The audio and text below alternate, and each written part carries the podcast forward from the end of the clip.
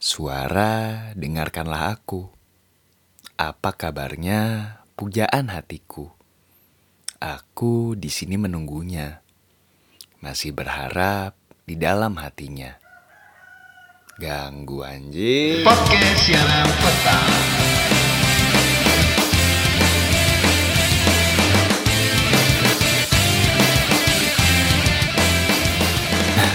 Niatnya padahal udah kayak rintik seduh gitu ya kan awal-awal. Karena gue nggak bisa bikin narasi yang sepuitis rintik seduh ya gue ambil aja liriknya hijau daun. Puitis juga kok liriknya kalau diperhatiin. Malah diganggu suara ayam. ya resiko lah punya ibu kos yang memelihara ayam. Tapi ya positifnya pagi-pagi ada alarm lah. Walaupun kadang aduh ganggu juga kalau lagi bikin podcast kayak gini suka bocor. Malah sebelahan banget lagi nih sama kamar. Astaga.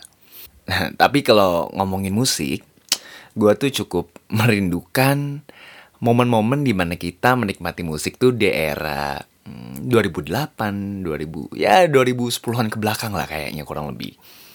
Ya di mana pada zaman itu tuh yang happening band-bandnya kan ya hijau daun yang sering-sering di iklan muncul-muncul di TV di dahsyat ya kan uh, ST12 Zivilia salju. Waduh inget banget gue di zaman itu juga masih banyak band-band yang mempromosikan lagunya tuh lewat uh, iklan-iklan kayak gini nih.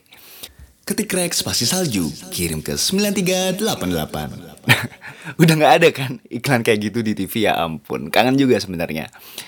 Padahal keren loh kalau band-band zaman sekarang uh, mempromosikan lagunya lewat iklan kayak gitu. Kayak misalkan Ketik rek spasi bara suara, kirim ke 9388. oh atau enggak ada yang juga yang kayak gini. Ingin ingin mengetahui keseharian pamungkas. Ketik rek spasi pamungkas, kirim ke 9388. Aduh. Norak sih sebenarnya kayaknya udah nggak cocok kayak gitu ya.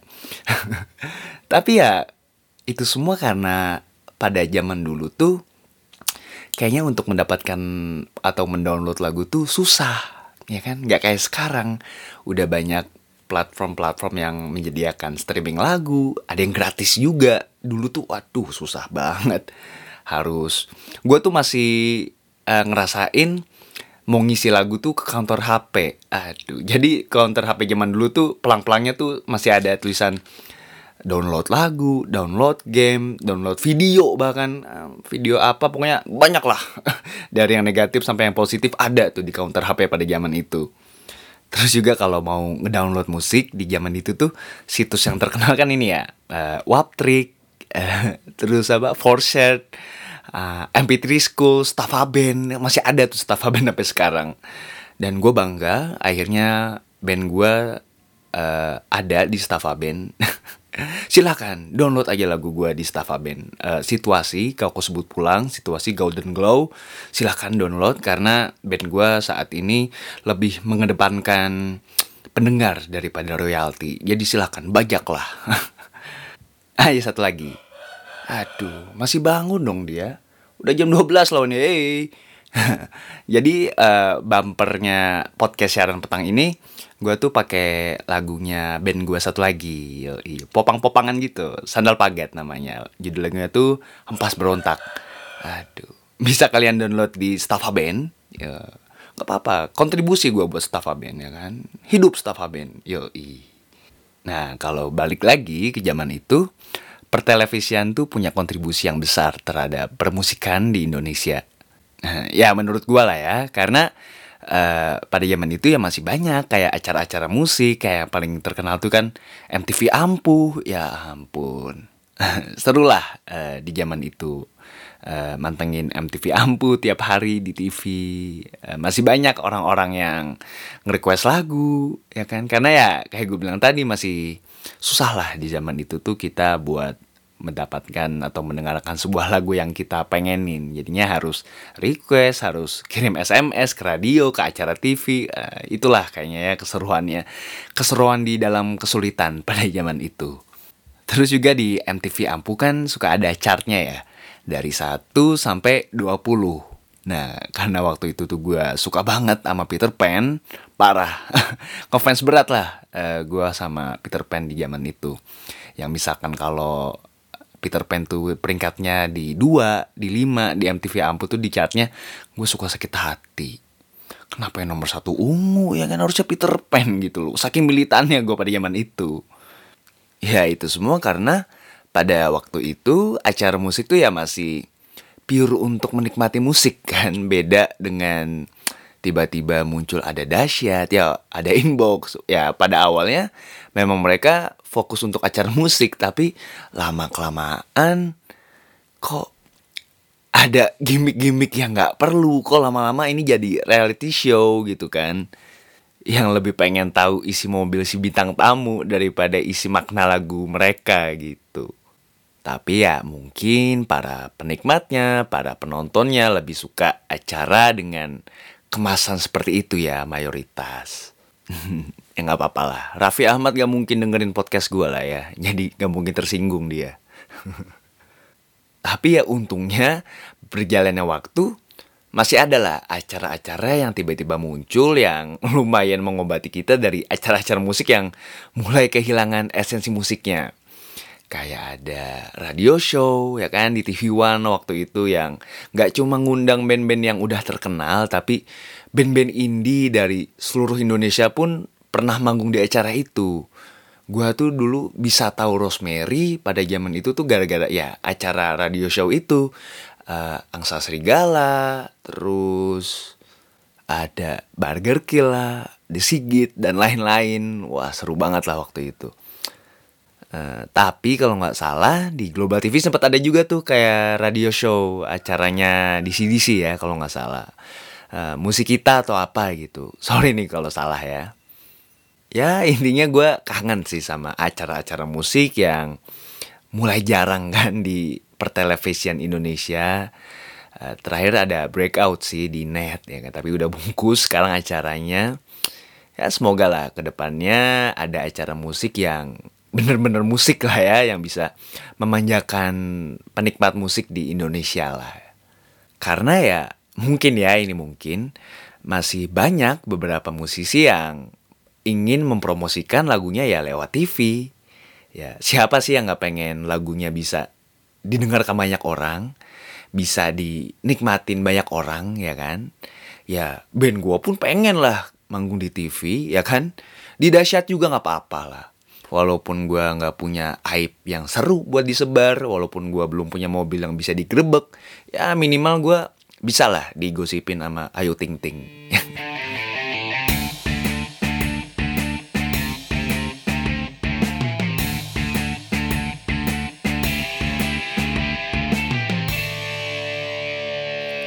Terus juga kalau kita tarik lagi ke zaman dulu tuh di mana akses internet gak segampang sekarang, terus juga ya keterbatasan informasi yang bisa kita dapat di mana akhirnya kalau kita mau ngulik musik tuh atau mau ngulik-ngulik lagu, kita tuh suka ngoleksi ini kan apa? Buku-buku chord musik. Yo, yang mereknya tuh 100% musik. Nah, new hits yo. I. Kayaknya dulu seru gitu ya ngumpul sama temen-temen ya kan ngulik-ngulik lagu yang pengen kita bawain tuh kebersamaannya asik ya.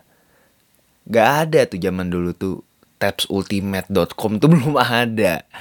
Chordify itu belum ada. Aduh serunya zaman dulu tuh itu ya. Selalu gitu tuh. Sebuah keterbatasan kalau kita ceritain lagi, kalau kita bawa nostalgia, itu tuh jadi cerita yang ngangenin, jadi cerita yang ini ayam kalau gue opor asik sih. dari tadi anjir ya gitulah ya sebuah keterbatasan itu kalau kita ceritain bawa nostalgia itu jadi hal yang menyenangkan tapi kalau kita jalanin zaman sekarang ya gak enak juga gitu ya padahal zaman dulu tuh enjoy enjoy aja gitu dengan segala macam keterbatasan itu nah si buku chord inilah yang akhirnya ngebantu gue dan teman-teman gue untuk pertama kali main band ke studio Gue inget banget lagu pertama yang gue mainin tuh lagunya ST12 yang judulnya Tak Dapat Apa-Apa. Lagu yang sangat-sangat mendeskripsikan skill kami semua. Tak dapat apa-apa. itu kira-kira waktu gue SMP kelas 1 atau kelas 2 gitu. Gue masih inget banget nama studionya tuh Studio Rama di Banjarmasin. Di mana drumnya tuh ya Allah banyak banget plesternya. Apa yang nutupin si snare-nya lah. Apa bunyinya tuh jadinya dep dep dep. Apa mendem gitu suaranya. Uh, simbalnya udah retak-retak. Senar gitarnya udah karatan. Tapi ya enjoy aja gitu mainnya. Ya kita juga nggak ngerti apa yang kita mainin. Kan jadinya ya udahlah main aja. Yang penting masuk asik gitu. Sejam dua jam di studio ya kan? Upload foto di Facebook udah berasa keren lah. Pokoknya waktu SMP tuh gue metal banget lah. Melayu total banget. ST12 gue dengerin. Uh, kangen band Wali. Gue tuh sempet ada di momen gue suka lah sama sebuah genre itu. Sampai sekarang sih gue masih enjoy lah buat dengerin lagu itu karena menurut gue sebuah musik apabila kita dengarkan dalam situasi dalam orang-orang yang tepat apa pun genre musiknya ya bisa tetap kita nikmatin. Kayak contohnya di Synchronize Fest kan Om Leo kan ada sesi ini ya karaoke bareng Om Leo ya mereka karaoke lagu-lagu itu bahkan kangen band ST12 band-band yang Melayu. Dari orang yang parfumnya eceran sampai yang parfumnya Chanel tetap kan mereka tetap nyanyi tetap bisa menikmati ya kan euforianya ya. Karena menurut gue ya itu tadi sebuah musik apabila kita dengarkan atau nikmati dalam keadaan dan orang-orang yang tepat ya menurut gue apa pun genrenya lu tetap bisa enjoy gitu nikmatinnya juga kayak misalkan kalau lu camping gitu ya dengerinnya payung teduh Novo Amor, Bon Iver, segala macem. Kalau lu lagi sedih ya mungkin dengernya agak mellow, uh, mungkin Melayu, ya yang pop, easy listening segala macem. Kalau lu lagi upacara ya dengerinnya Indonesia Raya. ya intinya sebuah lagu punya momennya masing-masing lah ya menurut gua. Karena ya mungkin akhir-akhir ini gue banyak banget gak jarang gitu ngelihat beberapa orang atau beberapa oknum ya lebih tepatnya di mana mereka itu terlalu mensuperiorkan genre musik yang mereka suka secara berlebihan ya pastinya. Jadi jatuhnya lucu gitu. Mereka beranggapan bahwa orang yang gak mendengarkan atau menikmati lagu yang mereka suka itu jatuhnya ya katanya entah selera musiknya rendah lah selera musiknya nggak berkelas lah. Waduh. Terus juga di komen YouTube tuh suka lucu-lucu tuh. Misalkan ada video musik di sebuah genre band tertentu uh, itu komennya suka lucu-lucu kan nyeleneh gitu lah. Pasti familiar kayak uh, pendengar Melayu minggir dulu waduh uh, pendengar K-pop minggir dulu. Waduh, apalagi ya? Oh, user TikTok minggir dulu. Anjir. Nyuruh-nyuruh orang minggir. Berasa pas pampres kali ya. ya, selera musik kan beda-beda lah ya. Orang menurut gue berhak untuk memilih genre lagu yang mereka suka. Berhak untuk mendengarkan lagu yang nyaman di telinga mereka Ya kayak misalkan kalau lu suka nasi goreng dan ada orang yang suka nasi kuning, ya lu nikmatin aja nasi goreng lu. Gak usah ngerendahin orang yang suka nasi kuning. Entah itu karena lu yang bener-bener gak suka, atau lu nya aja sih yang gak tahu cara nikmatinnya. ya lucu lah ya kalau ngomongin tentang orang-orang yang terlalu berlebihan dalam menyukai idolanya atau apa pun. Ya konteksnya ini di musik ya uh, ya terlalu fanatik itu kadang nggak sehat kan ya. Tapi kalau kita balik lagi ke zaman dulu, ya waktu gue SMP lah misalkan, tahun-tahun 2010, 2009 kira-kira. Di zaman itu pun udah ada beberapa oknum-oknum yang sama kayak gini, terlalu berlebihan dalam menyukai idolanya. Nah mungkin contohnya waktu itu kan uh, di tahun segitu lagi booming boomingnya sama boy band dan girl band. Wah di mana mana isinya mereka. Mungkin contohnya ya kayak Cherry Bell kan pada zaman itu tuh wah ngetop banget. Sampai ada beberapa sekumpulan orang, sekumpulan oknum-oknum yang terlalu fanatik, terlalu mengidolakan mereka sampai gak sehat ya. Terus mereka menamakan mereka tuh agama Cherry Bell. Waduh. Nah, ini gue uh, sempat lihat di detik.com yang juga pernah ngebahas hal ini. Uh, jadi ternyata itu tahun 2012. Jadi ada sebuah akun Twitter yang namanya tuh @agamacibi. Hmm. Mereka tuh sempat nge-tweet kayak gini. Fans sejati adalah fans yang berani mengubah rasa cinta menjadi penghambaan kepada idolanya sendiri yaitu dengan cara menganggap Cherry Bell sebagai Tuhan. Sakit, sakit. Kalau kayak gini kan kasihan si idolanya itu sendiri kan, kasihan si musisinya itu sendiri. Mereka mah taunya mereka berkarya, bikin musik, bikin orang seneng, ini malah bikin orang jadi laknat ya kan, bahaya.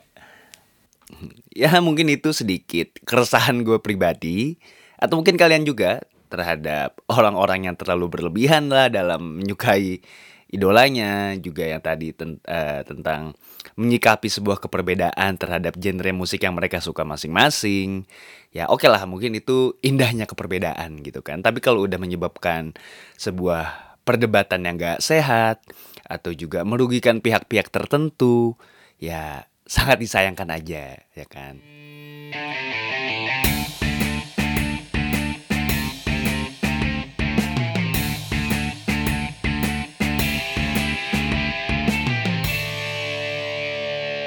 Oke, balik lagi ke bagaimana kita menikmati musik di zaman dulu dan sekarang, perbedaannya. Dalam hal menikmati musik secara langsung pun mulai ada berbagai perbedaan yang signifikan lah bisa dibilang. Kayak misalkan yang paling umum lah, di mana zaman dulu tuh masih belum banyak orang-orang yang ngerekam pas lagi nonton ya kan, ngangkat HP itu masih jarang. Beda sama sekarang ya kan. Pokoknya dulu tuh pucuk hands beda lah dulu mah orang angkat tangan sekarang angkat HP yang di mana sebenarnya nggak salah sih ya. Uh, beberapa penyelenggara juga nggak memberikan larangan untuk itu kan sebenarnya. Ya kecuali private konser mungkin ya yang diinstruksikan untuk tidak boleh dipublikasikan segala macem ya itu beda lagi. Oke okay lah misalkan kalau alasan mereka ya mereka ingin mengabadikan momen ya nggak masalah sekali lagi tapi kalau dari awal sampai akhir mereka lebih fokus untuk ngerekam dibandingkan fokus terhadap si musisi yang main, ya disayangkan aja gitu loh. Karena uh, penonton juga merupakan instrumen atau bagian dari pertunjukan kan. Penonton berpengaruh besar terhadap energi atau mood si musisi yang main. Karena ya dengan mereka bisa lebih fokus kepada musisi yang tampil, mereka bisa terbawa suasana atau energi dari musik yang musisi itu bawakan, pastinya si musisinya pun merasa lebih dihargai lah dibandingkan dengan mereka-mereka yang cuma ngerekam, cuma berdiri megang HP, pastinya gitulah ya yang kayak gue bilang tadi ya oke-oke aja mereka buat ngevideo ini tuh konser terus di share ke instastory atau ke mana ya itu oke-oke aja asal lu dari awal sampai selesai ya nggak fokus sama HP lu doang gitu loh. Terus juga yang nggak kalah nggak ngenakinnya yang sama-sama disayangkan juga gitu kan di mana ada beberapa orang yang kalau si musisi ini tampil mereka datang ke depan terus instastory segala macem ya kan nge-share pas itu udah aja pergi gitu aja nggak nonton si musisi ini lagi. Nah itu mungkin agak disayangkan juga gitu loh. Karena gue sempet ngeliat cuplikannya Danila waktu main di Synchronize Fest yang dia tuh manggung sama Bude Sumiati gitu loh. Dia manggung habis itu dia nyeletuk gitu kan. Karena ada beberapa orang yang pergi pas dia tampil gitu. Dia nyeletuk tuh uh, kelihatan lah di sini yang ngefollow gue karena cantik, ngefollow gue karena musik. Nah, gak enak tuh kayaknya ya kalau musisi tuh merasa seperti itu gitu loh. Dan untuk beberapa genre tertentu ya kayak misalkan musik rock, musik popang, musik EDM juga bahkan. Kalau penontonnya tuh bisa jingkrak-jingkrak, terbawa suasana, bisa mosing gitu kan ya. Itu merupakan achievement tersendiri buat si musisi yang tampil gitu.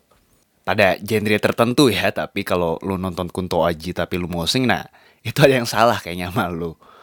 Ya nggak cuma penonton lah ya, musisi pun pastinya patut juga buat dihargai gitu. Balik lagi ke motivasi awal mereka nonton konser juga sih tentunya. Terus juga mungkin perbedaan uh, nonton konser di zaman dulu dan zaman sekarang kayaknya dalam hal berpakaian pun udah berbeda gitu. Gue sempat baca di sebuah artikel ya yang membahas tentang orang zaman dulu tuh kalau datang ke konser ya simple aja gaya berpakaiannya. Asal dia nyaman, asal dia ya pokoknya seadanya aja lah karena tujuannya nonton konser gitu.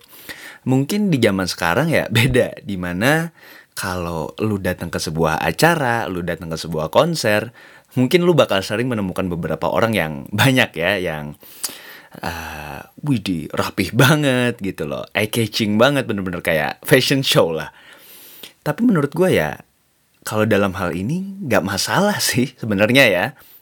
Ya mungkin dia menyesuaikan dengan uh, tema acara di konser itu ya kan di acara itu. Mungkin dia menyesuaikan dengan musisi yang tampil ya kan gaya berpakaiannya yang di mana sebenarnya ya bagus-bagus aja sih positif aja gitu loh. Mungkin menurut gue itu adalah sebuah bentuk apresiasi dari si penonton terhadap acara atau musisi yang main di situ. Hmm. nah mungkin terakhir ya hal yang paling gue kangenin dalam hal menikmati musik di zaman dulu. Yang sebenarnya mungkin masih banyak lagi ya. Uh, tapi kalau misalkan ditanya apa sih yang paling gue kangenin gitu? Gue tuh lagi kangen-kangennya sama gerai-gerai musik atau toko-toko musik yang dulu tuh kayaknya masih tersebar luas di mana-mana. Bahkan masih ada di mall. Kayaknya dulu tuh masih gampang gitu kita buat menemukan atau menjumpai toko-toko yang menjual kaset atau album musik gitu ya. Beda kayak sekarang. Kalau ke mall pun masih masih ada sih sebenarnya tapi udah jarang aja kita jumpai gitu. Yang terkenal kan ya mungkin yang gue tahu kayak ada uh, di Stara ada duta duta musik ya kan yang sekarang tuh wah udah jarang banget udah susah lah buat ditemuin. Sempet gue denger kalau di Setara itu menutup 40 gerai atau berapa gitu yang tersebar di seluruh Indonesia. Ya mungkin ini pergeseran zaman ya di mana teknologi ya mengalahkan semuanya. Di mana ya kayak gue sempet bahas di awal di mana uh, platform-platform musik mulai banyak, mulai sangat gampang diakses yang membuat toko-toko musik pun pastinya ya kalah saing kan. Yang nggak bisa disalahin sih mungkin dalam hal ini. Ini adalah modernisasi yang nggak bisa kita cegah gitu loh. Walau sebenarnya masih banyak banget uh, musisi-musisi yang uh, menjual albumnya lewat uh, fisik ya, lewat album fisik. Walaupun kita belinya mungkin udah nggak motivasi udah beda ya. Di mana dulu tuh kita beli kaset atau beli album motivasinya bener-bener buat didengerin ya kan. Mungkin kalau sekarang jatuhnya ya sekedar koleksi aja gitu kan. Juga ya pastinya untuk tetap menjaga apresiasi terhadap karya si musisi itu sendiri ya kan. Karena gue sempat uh, sempat denger ya ada sebuah ada tiga cara kita untuk mengapresiasi sebuah musisi atau sebuah karya musik. Yang pertama adalah membeli merchandise-nya, yang kedua adalah nonton konsernya, yang ketiga nah adalah membeli album fisik si musisi tersebut. Gua tuh dulu suka banget lah pokoknya buat dateng atau mantengin toko-toko musik atau gerai-gerai musik yang ada di mall gitu salah satunya bodo amat keluarga gue lagi belanja, lagi ke mana, pokoknya gue harus ke sana. Mau beli, mau enggak, pokoknya harus ke sana gitu loh. Entah itu cuma lihat-lihat, entah itu nanya ada apa yang baru, album-album barunya tuh apa aja. Tuh gue spot favorit gue adalah di, jadi di sana tuh kan ada spot yang suka berjejer headset-headset gitu kan. Pokoknya lu kalau ke sana masang headset uh, dengerin musik tuh, wah berasa keren banget gitu loh.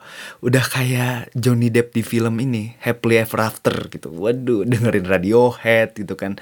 Berharap ada cewek dateng, ada siang dateng ya, mbak-mbak di staranya gitu. Ini anak gue perhatiin, beli kagak, dengerin lama, berasa di rental kali.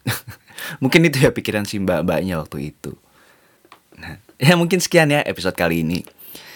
Uh, semoga kita tetap bisa menikmati musik, semoga kita tetap bisa mengapresiasi karya-karya musisi saat ini.